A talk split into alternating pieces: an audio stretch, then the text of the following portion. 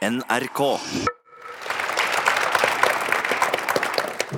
Velkommen hit til eh, Trondheimsporten til denne demokratidebatten i regi av Trondheim voksenopplæringssenter og Litteraturhuset i Trondheim. Mitt navn er Jo Skårderud. Jeg er journalist i avisen Klassekampen. Og i kveld så skal vi diskutere om demokratiet vårt er i fare. I land etter land så ser vi at store grupper snur ryggen til de etablerte partiene. Noen slutter opp om venstreradikale, men mange flere søker til autoritære populister som Trump eller illiberale, innvandringsfiendtlige partier som i Polen og Ungarn. Andre tar til gatene som protestbevegelsen De gule vestene i Frankrike. Hva er årsaken til at dette skjer? Er det snakk om en dyp tillitskrise til det etablerte demokratiet? Handler det om innvandring? Handler det om økonomi? Er det et blaff, eller er det den nye normaltilstanden? Og kanskje viktigst av alt er det som skjer, en fare for demokratiet vårt. For å diskutere dette spørsmålet så har vi fått tak i et skikkelig bra panel. Vi har Snorre Valen, som er inntil nylig, altså inntil nylig nestleder i SV. Vi har Bård Larsen, som er historiker i den liberale høyresidens tankesmie Civita. Vi har Hanna Gitmark, som er fagansvarlig for arbeidsliv og økonomi i sentrum-venstre-tankesmien Agenda. Og til slutt så har vi Katrine Mo Torleifsson, som er forsker ved Universitetet i Oslo ved Senter for ekstremismeforskning, som forsker særskilt på høyreekstremisme, hatkriminalitet og politisk vold. Jeg har lyst til å spørre dere panel sånn helt til å begynne med, sånn at vi vet hvor, hvor vi står egentlig om kveldens viktigste spørsmål. Og Vi kan starte med deg, da, Snorre. Og da lurer jeg på, Er demokratiet vårt i fare? Ja, helt åpenbart. Det er under angrep både fra politiske bevegelser og fra mektige enkeltpersoner, men også fra hele land. Ok. Det var en, det var en dyster start. Eh, Hanna, hva tenker du? Ja, ikke når det gjelder folkestyret, først og fremst, men når det gjelder det liberale demokratiet, som handler om, også om ting som uavhengige domstoler og, og, pressefrihet og beskyttelse av minoriteter og enkeltgrupper, så ja. Bård Larsen? Ja, det er i fare. Det har alltid vært i fare. Så gikk det bra en stund, og nå ser det mørkere ut. Og til slutt, Katrine Moe Torleifsen. Er demokratiet i fare? Både ja og nei. I noen steder er det i fare. Du ser at det er veldig sårbart og under press, mens andre steder ser du også at det er robuste institusjoner som står imot angrep. Ok, Etter denne innledende runden så er det jo veldig åpenbart at den debatten vi har i dag, er veldig viktig. Eh, så det, det, er jo bra. Eh, men jeg må si at jeg er litt bekymra etter å ha hørt svarene deres. Eh, jeg tror vi starter med deg, Katrine. Er jo, dette er jo liksom ditt forskningsområde. Kanskje du kan gi oss litt mer detaljer om hva kjennetegner de bevegelsene, de strømningene som vi ser i mange land rundt om, både i Europa og ja, egentlig ikke bare i Europa, også store deler av verden? Ja, jeg, I min forskning har jeg fokusert på Europa, og spesielt de populistiske høyreradikale partiene, som har fått tosifret støtte ved de fleste valg de siste årene. Og Det som kjennetegner disse partiene, er spesielt tre ting. og Det er populisme. altså De hevder å snakke på vegne av det autentisk moralske gode folk. Og så er det avvisning da, av mangfold og pluralisme. Det er også en nativisme, dvs. Si at mennesker som kommer utenfra, eller ideer, blir ansett som truende mot da, ideen om det gode folket. Og så er det også at det er autoritære eh, trekk, altså for strengere straffer og, og mer politi. Altså, dette her er jo dette her høres veldig ut som, som høyreekstreme. Eh, er, det stort sett eh, høyreekstreme, disse bevegelsene vi ser? Stort sett er de ikke høyreekstreme. Dette er partier som opererer innenfor det demokratiske systemet. De stiller til valg, og de, altså mennesker benytter seg av sin demokratiske rett og går og stemmer på dem. Det er et par høyreekstreme partier i Europa som gjør det bra, spesielt i, i Hellas, har vi sett det, men også i Ungarn. Og Definisjonen på det er jo at de utfordrer statens voldsmonopol. Og da opererer utenfor det demokratiske systemet altså Utfordrer statens voldsmonopol ved at de banker livskiten ut av folk de ikke liker? Ja, de har borgerverngrupper, f.eks., slik som Gyllent Akeren. Så de begår kriminalitet og utfordrer det monopolet som staten har på voldsutøvelse. Men, men uh, Gyllent daggry, altså som da banker folk de ikke liker, og Donald Trump, er de en del som jo er på en måte en, uh, I hvert fall i stilen en veldig sånn autoritær uh, type framstår. Er de en del av den samme strømningen? Altså Er det de samme kreftene som mater Trump, som mater nynazistbevegelsen Gyllent daggry? Det er mer komplekst enn som så. og du kan si Driverne for disse partiene og også dels bevegelsene de er sammensatte. Det er både selvfølgelig har vært økonomiske grunner. Hellas var jo rammet lenge av en økonomisk finanskrise. Hvor de fleste svarte ved å stemme på Syriza, men også da noen stemte på et nyfascistisk parti. Så er det også immigrasjon. Det som forener disse partiene, er jo også motstand mot innvandring, og spesielt fra muslimske majoritetsland. Og så er det også partikulære historier. så Man må gå inn i britisk historie, gresk historie og amerikansk historie for å skjønne hvorfor de mobiliserte og traff så bra som de gjorde. Og det fjerde elementet er selvfølgelig den digitale tidsalder, sosiale medier og hurtigheten på den informasjonen som blir spredt. Så du kan ha ideer som spres på tvers av landegrenser veldig hurtig, og hvor egentlig alle velgere er medforfattere. Sitter og skriver på de samme konspirasjonsteoriene eller de samme reelle problemene. Mm. Vi skal snart slippe til eh, resten av panelet for å gå inn i dette her med årsaker. Men bare, bare eh, helt til sist, du nevnte, nevnte Syrissa i, i Hellas, som jo er et venstreparti.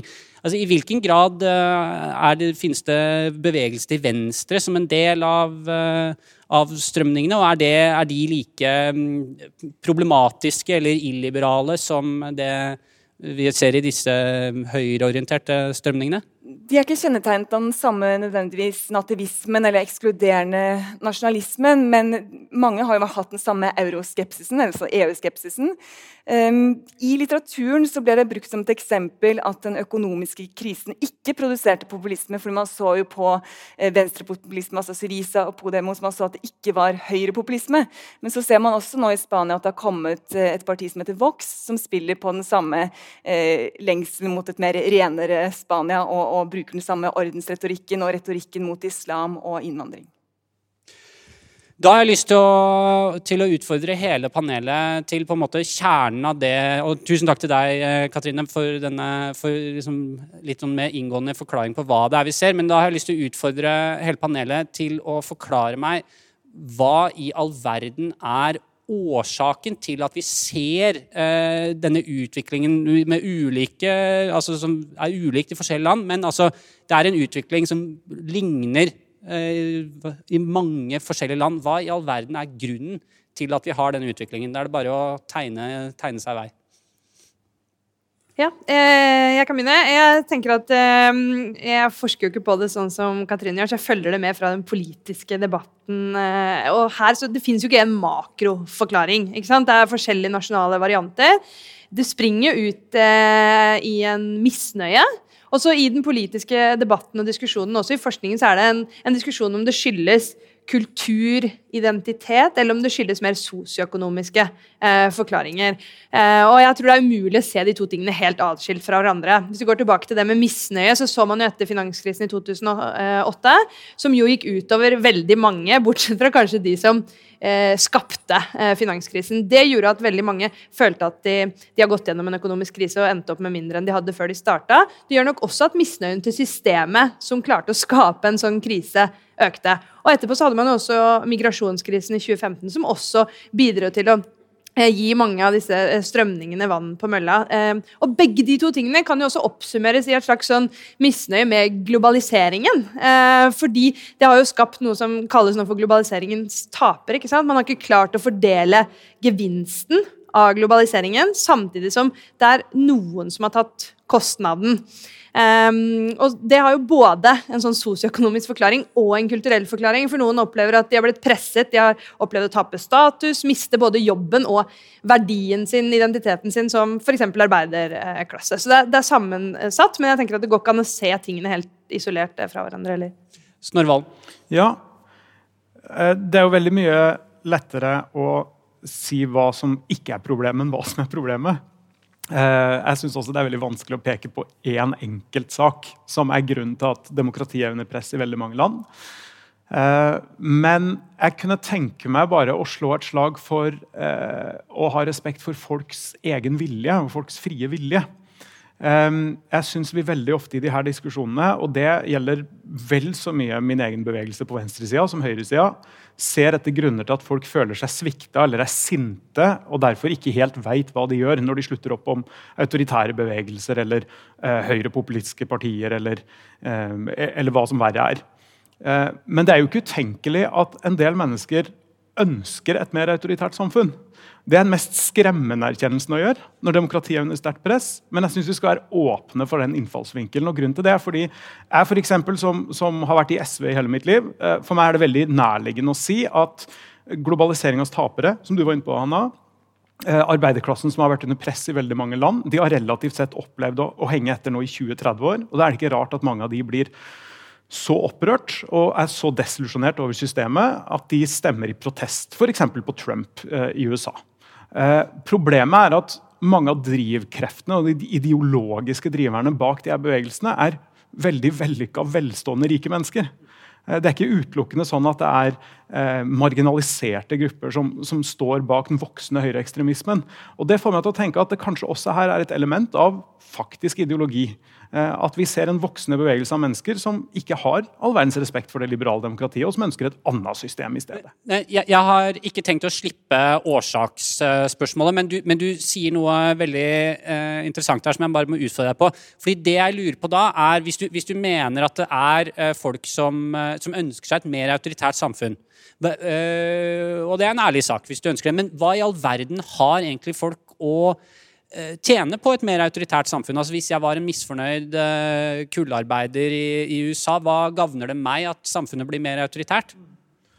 Nei, jeg må bare liksom understreke her nå at Det jeg også driver nå, er høyttenkning. I motsetning til mange andre i panelet her, så har ikke jeg noe faglig belegg for det jeg sier. Men jeg syns den misfornøyde kullarbeideren i England er et ganske interessant eksempel å bruke. For Hvis du for ser på hvem som sørger for at Trump vant valget i USA, så er det ganske mange mennesker med høyere utdanning og god inntekt som, som står bak han, og som har stemt på han, og som sannsynligvis kommer til å gjøre det igjen. Og Det eneste det sier meg, er at eh, vi må være åpne for at mange ønsker seg et samfunn som fungerer annerledes enn, det demokratiet vi har lært oss å, å, å elske alle sammen. Um, og det jo bare å se på land som aldri har fungert demokratisk også, men som likevel lykkes med veldig mye om dagen. Det synes jeg er en, um, en stor trussel mot demokratiet. Vi har trodd, eller blitt lært i veldig mange år, at liberalt demokrati og kapitalisme henger sammen og er uløselig knytta til hverandre. Det stemmer ikke. Kina er en voksende økonomisk supermakt. Og de gjennomfører et totalitært overvåknings- og kontrollregime over egne innbyggere som ikke var mulig under den kalde krigen. Eksempel. Men de lykkes økonomisk. Eh, det tror jeg også er besnærende og tiltrekkende for enkelte. Russland nå viser tegn til det samme. Eh, Putin er en, en populær leder. Uh, Sjøl om de færreste av oss ville hatt lyst til å operere i det, i det russiske såkalte demokratiet.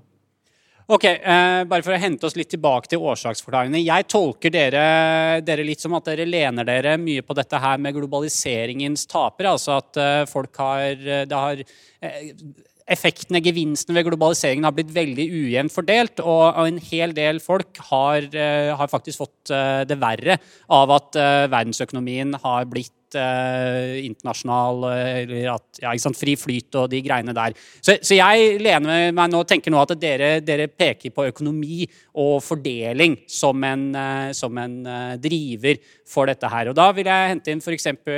La oss hente inn Bård Larsen, som er litt mer, på, litt mer høyreorientert. Hva, hva tenker du, Bård? Jeg tenker at det Ja, det, det stemmer selvfølgelig. At det er et begrep som heter radikale tapere, f.eks., som jeg tror spiller inn her. Uh, sosioøkonomi det ingen, det er, ingen, historikere i dag som ser bort fra sosioøkonomiske årsaker til noe. Du, siden vi har brukt så, det ordet såpass mange ganger nå, bare forklar en gang for lytterne. Hva, når du sier sosioøkonomi, hva er det vi legger i det?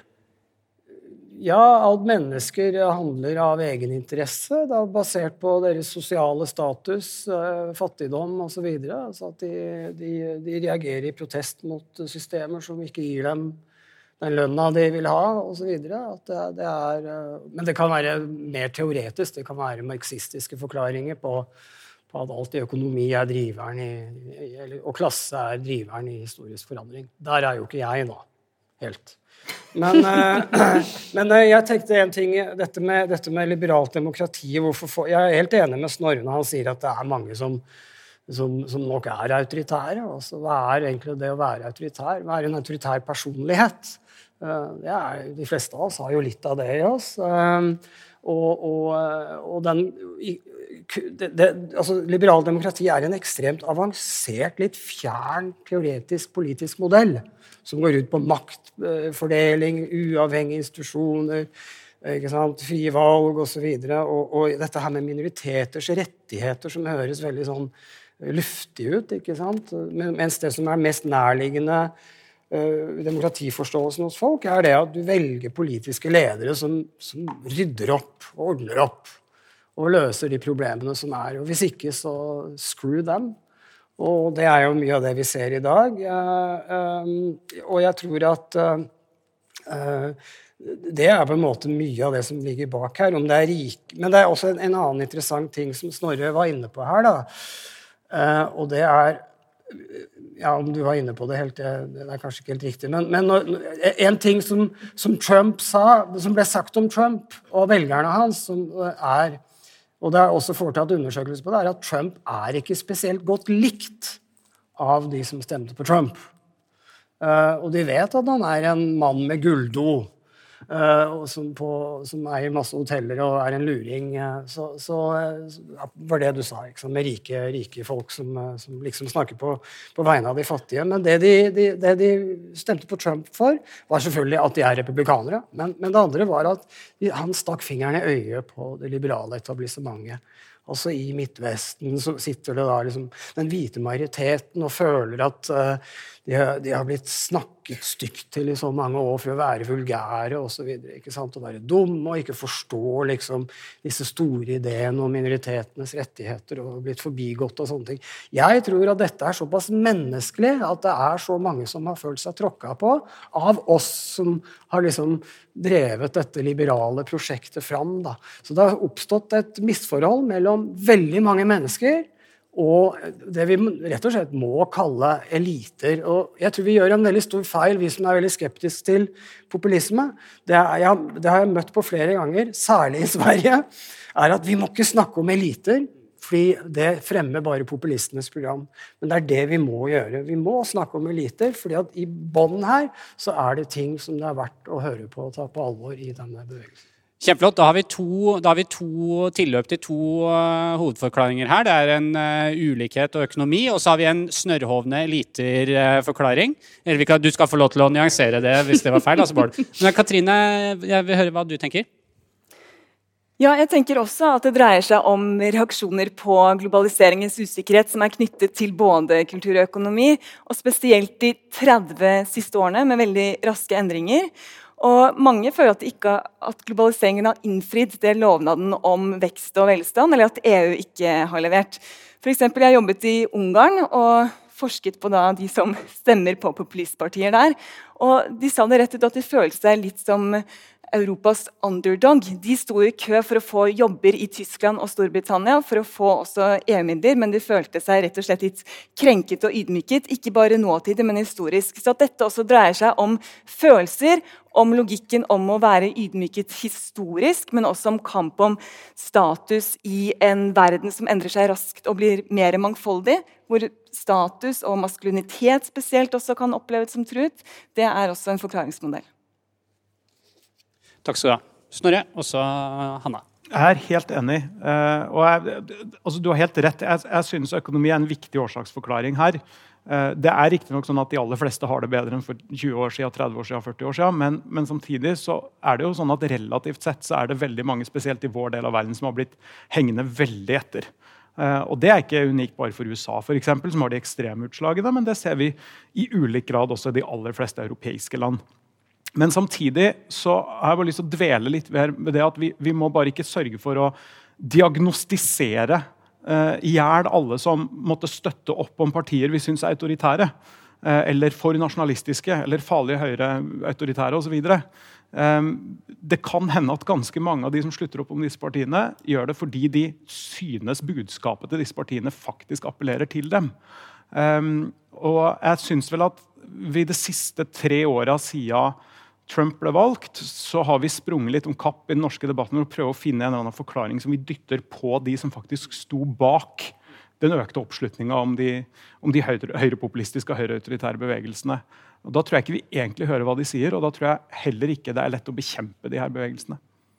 Det er jo litt interessant du sier, for Når vi møtes her i dag for å diskutere dette, så er jo på en måte premisset for debatten er jo at altså vi, vi tar det nærmest for gitt at disse folka tar feil. Eh, og det, det, det, gjør vi jo, på en måte. Altså, det, og det må vi kanskje tenke litt over. Eh, altså Jeg sier ikke at de har rett. Jeg bare, bare, merker at jeg går inn når jeg går inn i denne debatten, så går jeg inn med en tanke om å få dere til å forklare meg ja, hvor er det vi har gått feil, siden alle disse folka tar så fryktelig feil og velger feil folk. Men det ja. kan jo hende at de faktisk ja, gjør De mener sjøl de velger rett folk. og det er liksom, Vi må starte der, da, tenker jeg. Ja.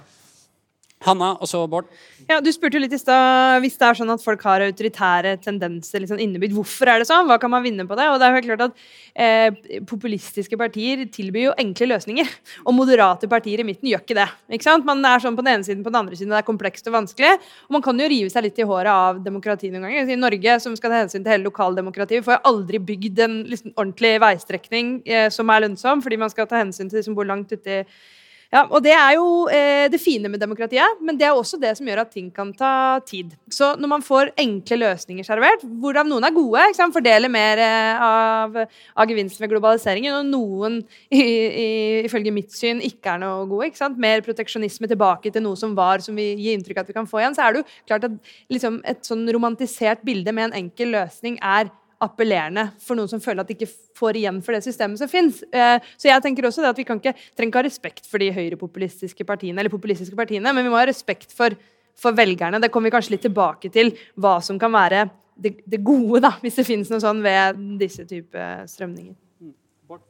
Ja, hvis vi ser på hvert fall en, god, en del av den høyrepopulistiske altså de partiene, da særlig i Ungarn og Polen, men også andre i, i, i vestlige land, så, så, fremmer de jo også et verdisett eh, som, på, som, er konservative, konservative verdier. Ikke sant? Det er eh, mot abort, bremse kvinnekampen. Uh, selvfølgelig for, for, nasjonen et veldig sånn idyllisk bilde av en nærmest homogen nasjon som går langt tilbake og er edel. og de vil ikke de vil ikke høre alle disse historiene om liksom, at vi, Vesten er råtten inntil roten og vi har skyld i all verdens elendighet. Så står det veldig sterkt uh, kontrast til hverandre. Men, men altså, vi har jo så Grunnlaget for et liberalt demokrati er det vi kaller for pluralisme, som betyr at man skal ha høyde for ulike verdier og ulike måter å betrakte verden på. Og det, det, jeg tror at veldig mange som stemmer på partiet, mener at deres måte å se på verden på Eh, blir sett eh, på som, som, yesterday's news, og noe som rett og slett skal rives ned fra pidestallene rundt omkring i byer og torg. Eh, man liksom river ned gamle krigshelter fordi de hadde dårlig kvinnesyn omtrent. ikke sant? Sånn at dette her er, Jeg tror at dette også går på verdier. Og da er det disse nå som, som har tatt tak i det. For i det store liberale landskapet så har man liksom gått med på i veldig stor grad denne fortellingen om, om Vesten som liksom full av skam og, og sånne ting. Mens de, de så, så, her har du to motpoler. ikke sant? Polen og Ungarn, hvor man setter opp statuer av gamle, suspekte folk fra 30-tallet. Sånne halvfascistiske ledere. De gjør om skoleverket til å fortelle om den fantastiske nasjonen og alt elendighet. Den kom utenfra, eh, og det er antiabort, og det er motstand mot kvinnekamp, og alt dette her som er veldig sånn ordentlig konservative ideer. Men for å være litt provoserende, så kan det godt være at en del av disse verdiene ikke er så veldig mye verre vi ser litt stort på det, enn det Kristelig Folkeparti mente for 25 år siden.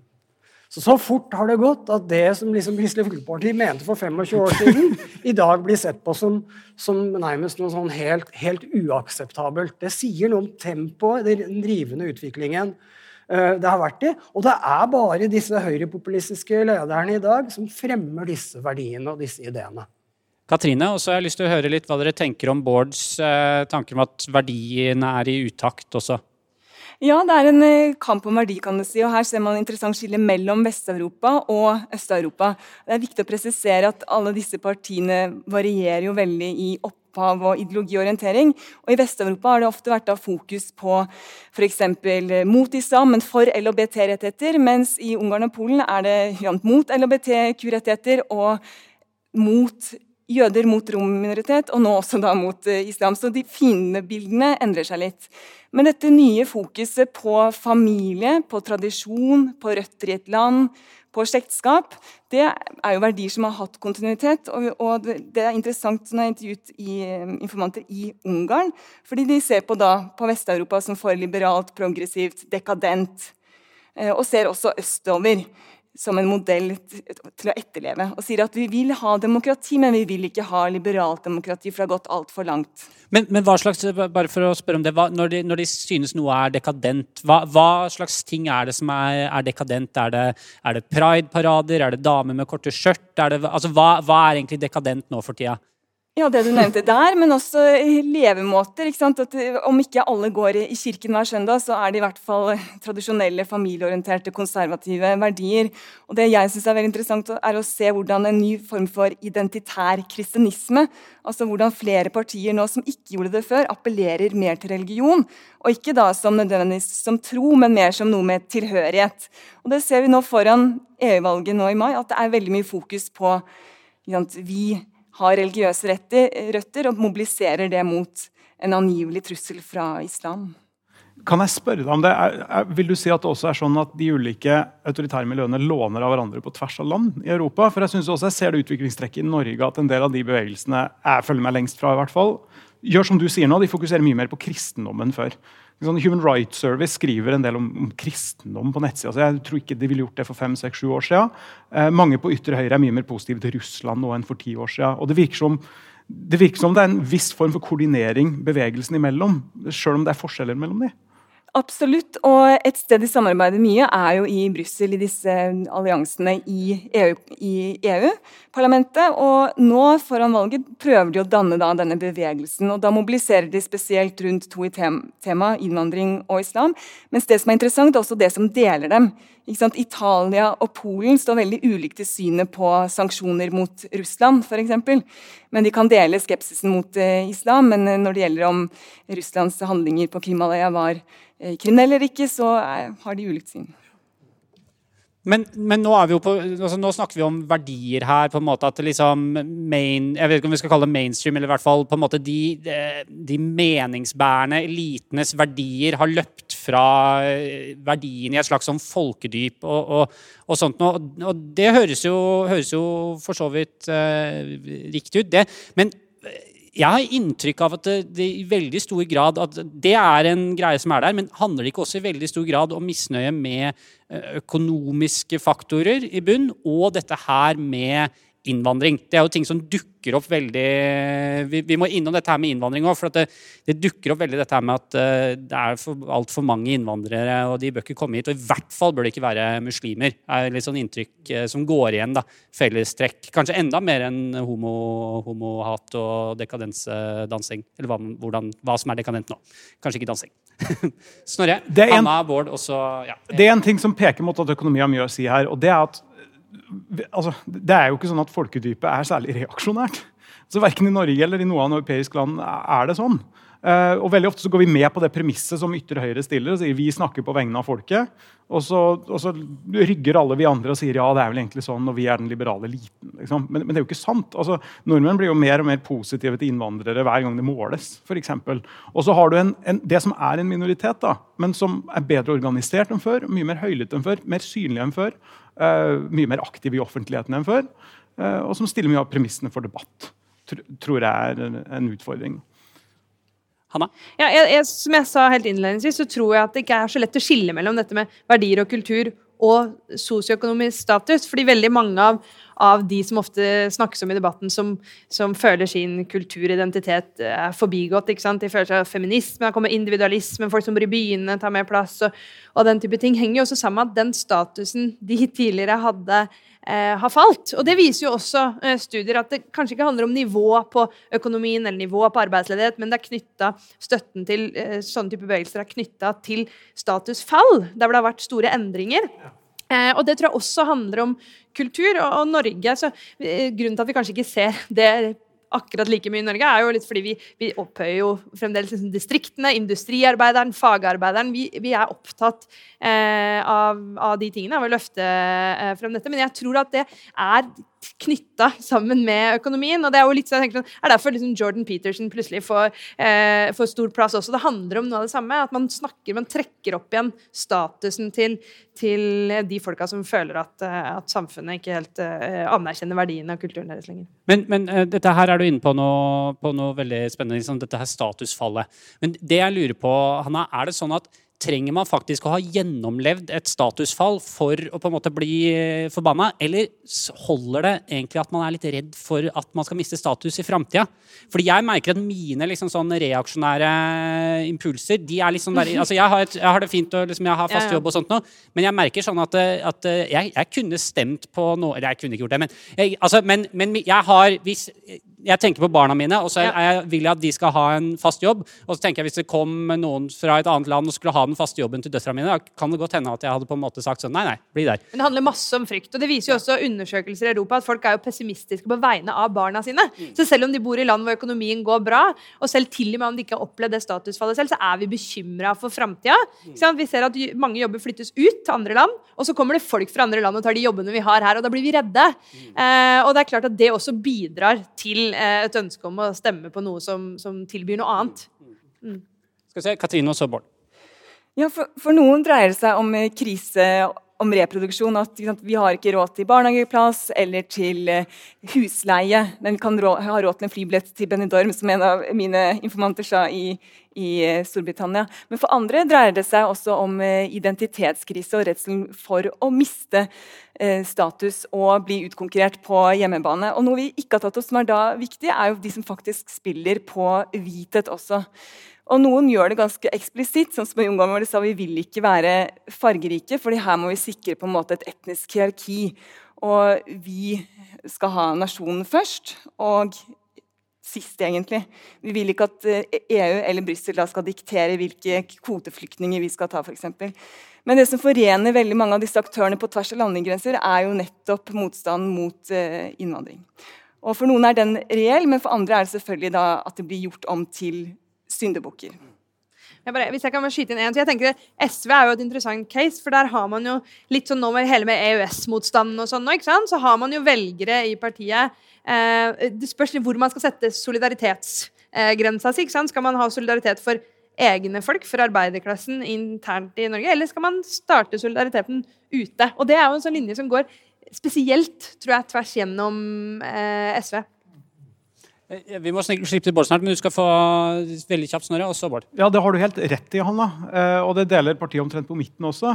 For det omtrent halve partiet mener at her her må man gjøre noe med arbeidsinnvandringa for å beskytte Norge mot sosial dumping. Og så den andre halvparten som jeg for øvrig selv tilhører, som mener at maktforholdet mellom arbeid og kapital er det som er problemet. Det er lovverket som gjør det mulig å drive sosial dumping, som, som vil forbli det samme uansett om det kommer arbeidsinnvandrere eller ikke. som du gjør noe med. Men, men det er et sånn dilemma som venstresida virker å ha slitt med i en del år også. Bård? Uh, ja, uh, du, du, var jo inne på innvandring. Som, som jeg har vel inntrykk av at veldig mange undersøkelser, om ikke de fleste, det kan jeg ikke si, sier jo det at det er innvandring som er den store saken som forener disse, disse bevegelsene, som ligger i et snitt på rundt 15% i Europa. Vel. Så vi snakker jo ikke om sivilisasjonens undergang ennå. Vent nå. Det, 15% Er det 15% som på en måte utgjør denne Jeg tror det er snittet ja, i Europa rundt der, ja. Og så svinger det litt. Stemmer ikke det? Sånn cirka? Ja. Eh, men, eh, men og, og, hvorfor er man så opptatt av innvandring? Og det, det, er litt ulike forklaringer på det, tror jeg. Så dette blir ganske komplisert. Det ene er selvfølgelig denne fortellingen om at innvandrere blir liksom prioritert foran de fattige hvite, på en måte. Altså, det er en veldig etablert eh, fortelling. Altså favoritisme, at noen kommer foran deg i køen som ikke engang er liksom en del av, av flokken. da. Og, og, dette, og, og, dette, går på identitet. Og det er en ekstremt viktig moment her også, som jeg syns denne her økonomiske forklaringene blir litt sånn jeg håper å si sjelløse. Ja, men, men men dette går litt på at hva er en nasjon? Ideen om en nasjon, et fellesskap. Du har jo dette begrepet om 'somewheres and nowheres'. At noen har en idé om at nasjonen og verden er, står for dine føtter. Jeg kan sette meg på flyet med flyskammen min og reise til New York eller feriere i Provence og lese Bourdieu og sånne ting. Mens andre sitter i campingvogna si på Son og føler seg norske. Og så forteller de at 'jeg er norsk, jeg har lenge levet den norske kulturen'. Og så ler, man av hele ideen om konseptet en norsk kultur. Sånne konfliktlinjer finner du hele veien, som jeg tror på en måte eh, opparbeider dette her til, til noe som selvfølgelig er konstruert. da. En konflikt som er konstruert, men som er reell. For det at det folk gjør Eh, og velger. Det er ikke bare fordi at de vil det eller har en gjennomtenkt plan på det, men fordi at det høres plausibelt ut. Så en liten ting til, bare bitte liten ting til. Jeg syns på en måte det som er utfordringen til Hanna og Snorre, da, det er det, la, gitt at det er de økonomiske forklaringene som på en måte er den dri, Ikke den eneste, men den viktigste forklaringen. Hvorfor gjør venstresiden i Europa det såpass dårlig, da? Hvorfor er sosialdemokratiet, selv om de nå fikk et gledelig oppsving må jeg si i Spania, så hva er det som skjer? Hvorfor går da ikke alle disse velgerne til den radikale venstresiden eller til sosialdemokratiet? Er det fordi at ikke de er det fordi at, er, er, Utfordringen er levert. Hansken er, kastet. Snorre? Det er en veldig god utfordring. Det er enda en ting å hente fra 20- og 30-tallet, der venstresida også var ganske handlingslamma i møte med, med ytre høyre. Men, men, det er jo ikke helt riktig det du sier, Bård. for Min del av venstresida går jo fram med de aller fleste europeiske land, inkludert Norge. Uh, Bernie Sanders uh, gjør det kjempegodt i USA. Det gjør Elizabeth Warren nå, og fremmer politiske ideer som i USA ville blitt sett på som helt, helt useriøse for bare ti år siden. Så det er jo en voksende venstreside i de fleste land som, en, som et motsvar til de ytre høyre-bevegelsene, men ikke i like stor grad.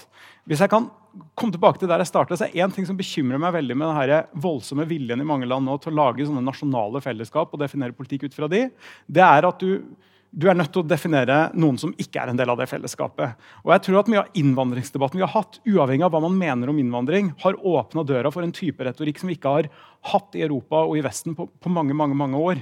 Eh, og Det ser vi for veldig godt eksemplifisert ved at antisemittiske konspirasjonsteorier og propaganda har funnet veien tilbake inn i det vi kan kalle den politiske mainstreamen.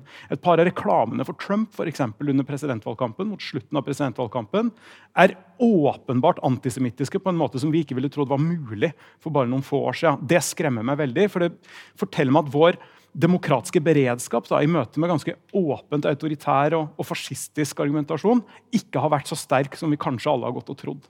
Vi må snart videre til eh, Vi skal jo ikke bare diskutere om dette er et eh, problem og årsakene til problemet, vi skal jo også løse problemet. Men først så skal vi la Katrine få si noe, og så vil jeg videre til eh, løsningene. Ja, Vi har snakket om eh, migrasjonskrise, økonomisk krise. og Krisebegrepet i seg selv er jo også en konstruksjon. Og det har vært veldig gode forhold for konspirasjonsteoretikere de siste årene. Fordi medieringen eller bildet av en krise kan gjøre at du kan koble f.eks.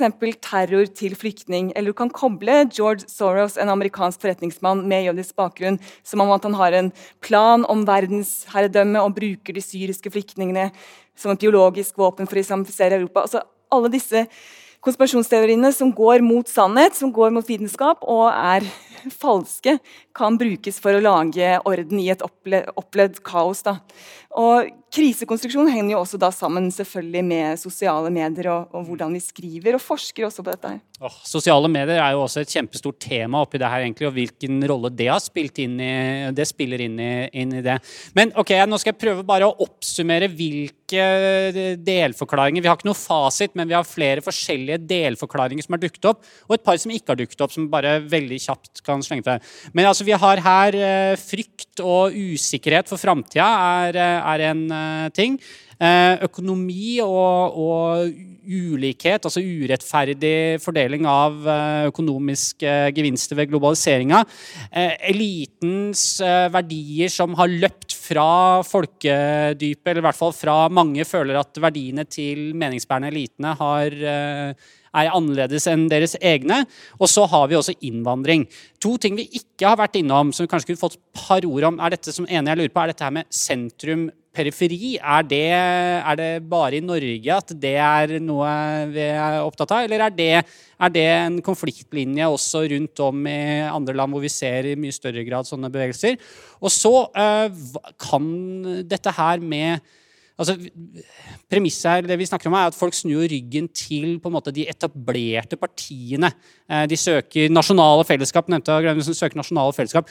Kan det være at vi har gått for langt i retning av sånn europeisk integrering? At folk føler at uh, enten jeg går og stemmer på Arbeiderpartiet eller jeg går og stemmer på Høyre, så får jeg samme økonomiske politikken, og alle, alle er jo opptatt av eh, skal gjøre sånn som EU sier uansett. Altså at det kan være en at man rett og slett går til partier som gir noe annet enn det de etablerte partiene går.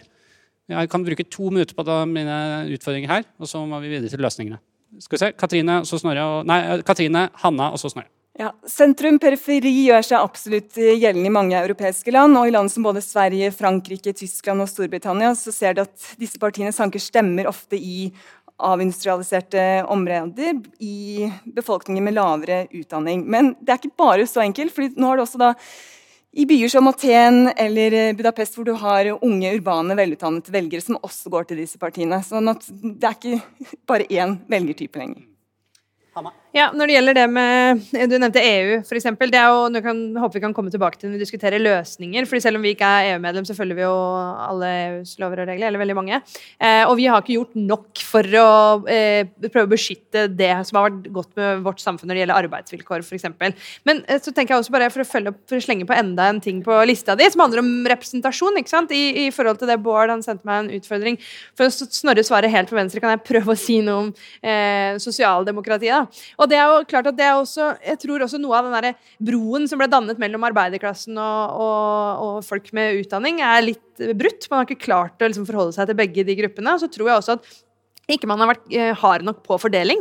Så når man da vender seg til andre, eh, for venstresiden også har framstått som en slags forsvarer av det systemet som har vært, så fikk vi finanskrisen, som gikk ut over veldig mange folk uten at de som måtte skapte den, heller tok ansvar for den. Og det tror jeg også er en del av grunnen til at eh, velgere vender seg bort. Så har det også med personer å gjøre, selvfølgelig. De personene i partiene. At man ikke kjenner seg igjen i at det ikke fins folk som ser ut som deg sjøl som leder partiene, og som, som, man har funnet i andre nye partier. da.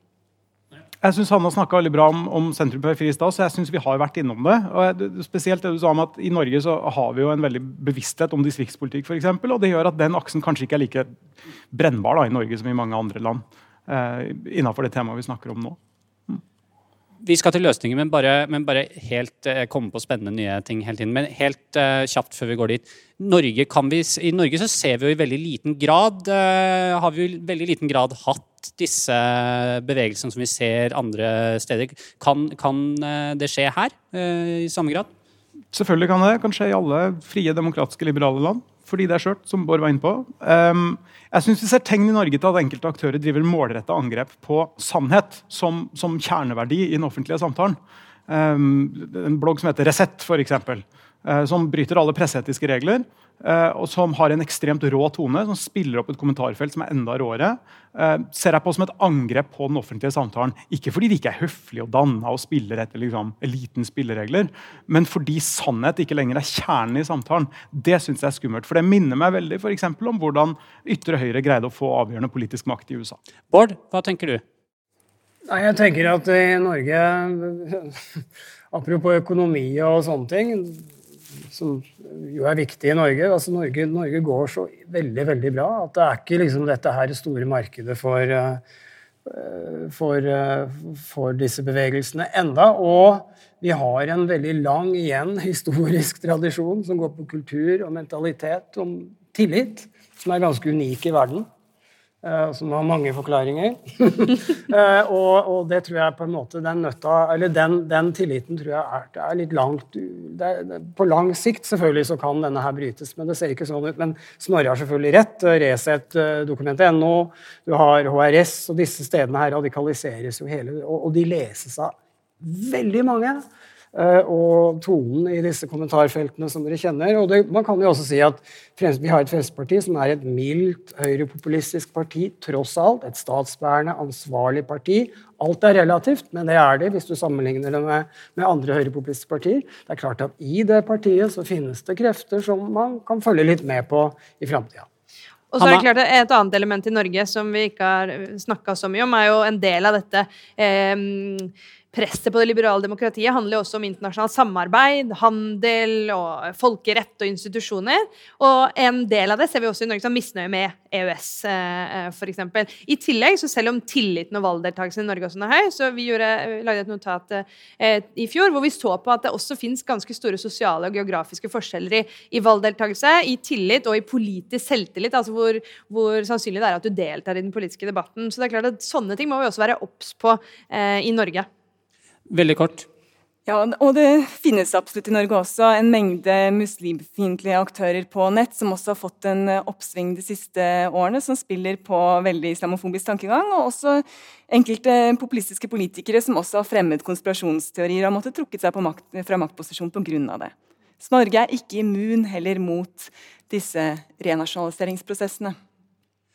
Kjempespennende. Uh, Dæven døtte, det er litt av en uh, Vi har mange forskjellige, forskjellige årsaksforklaringer. Og det, det, fasiten er vel at ingen av dem alene er, er, er fasiten.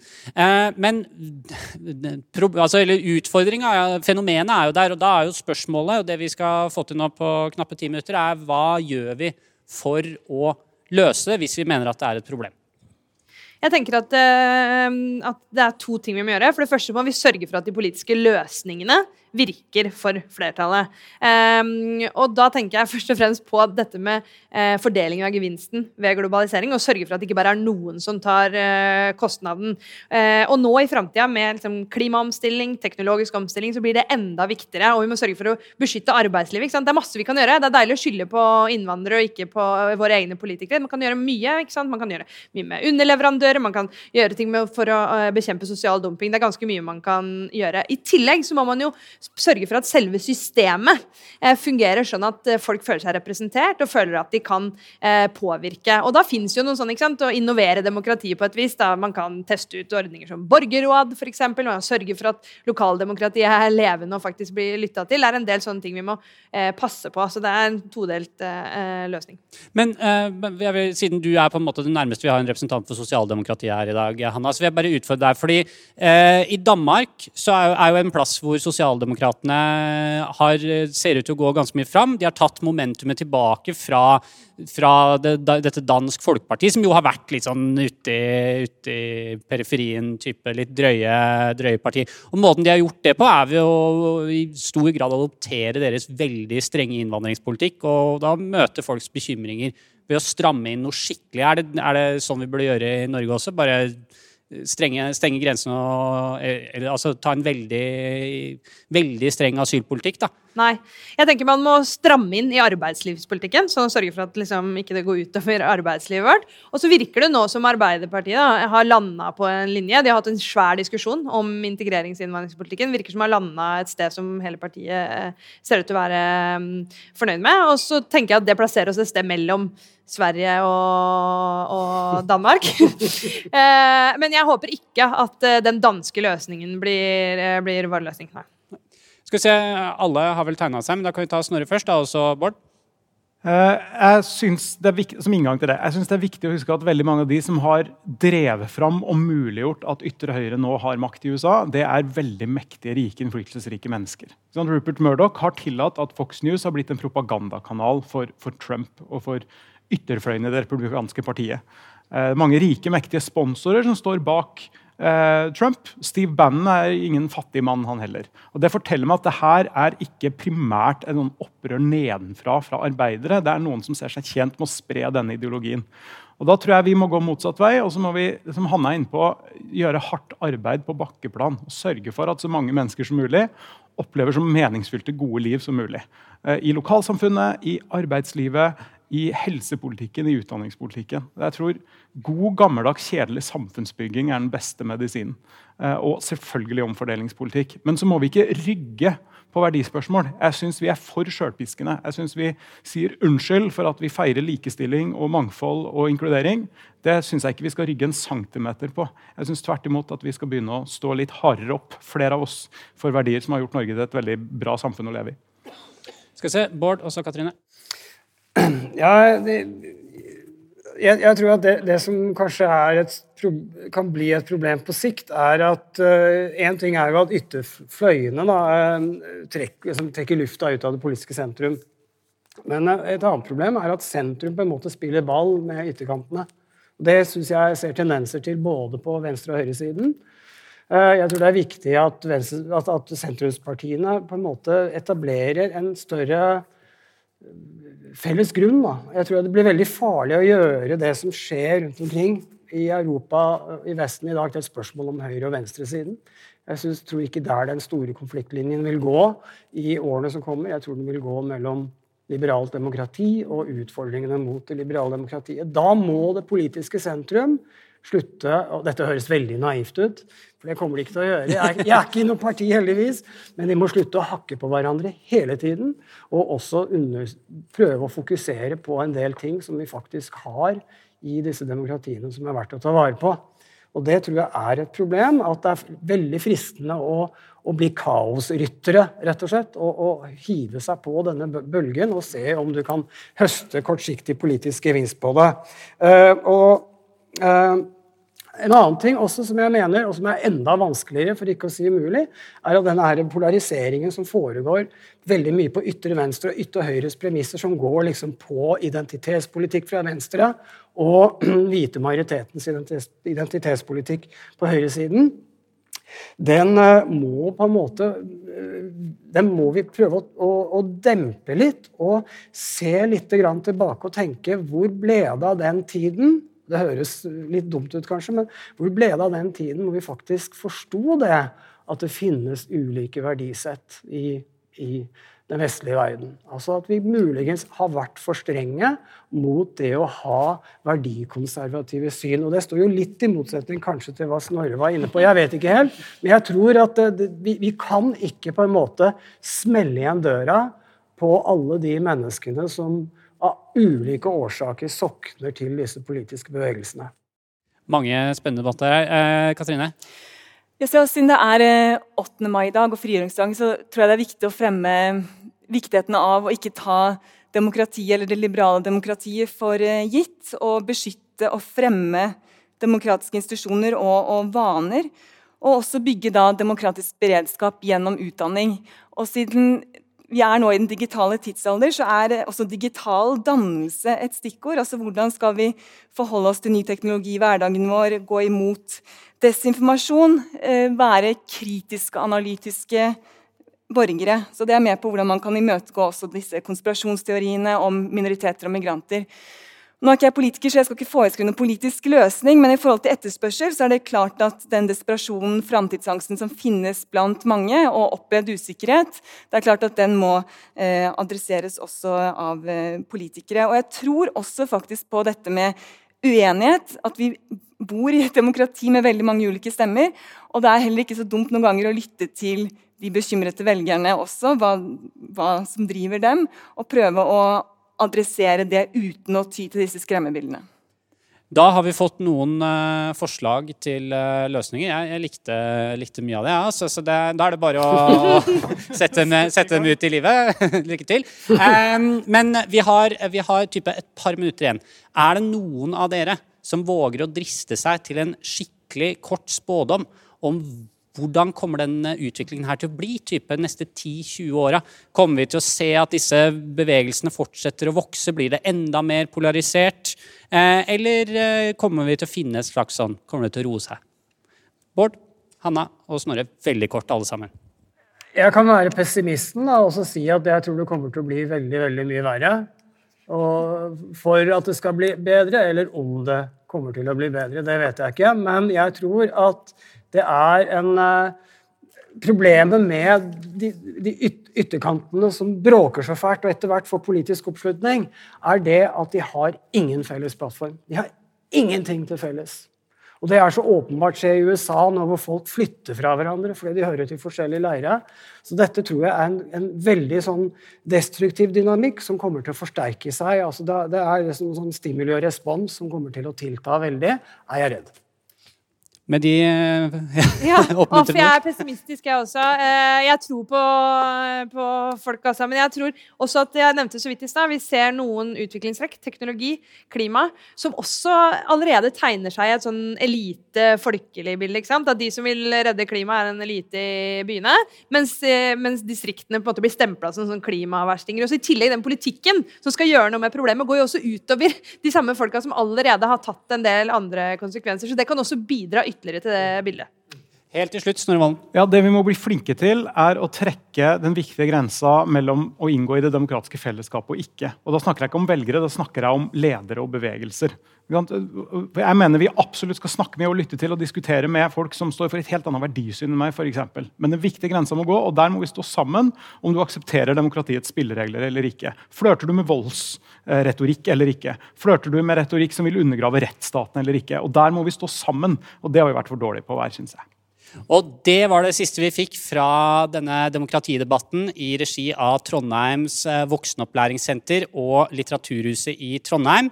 Eh, mitt navn er Jo Skårderud. Jeg har ledet denne debatten. Og de som har deltatt, er Snorre Valen fra nest, tidligere nestleder i SV, Bård Larsen fra Civita, Hanna Gitmark fra Tankesmien Agenda og Katrine Moe Torleifsen, forsker ved Universitetet i Oslo, Senter for ekstremismeforskning. Tusen takk til alle dere, og tusen takk til publikum som fulgte oss i dag.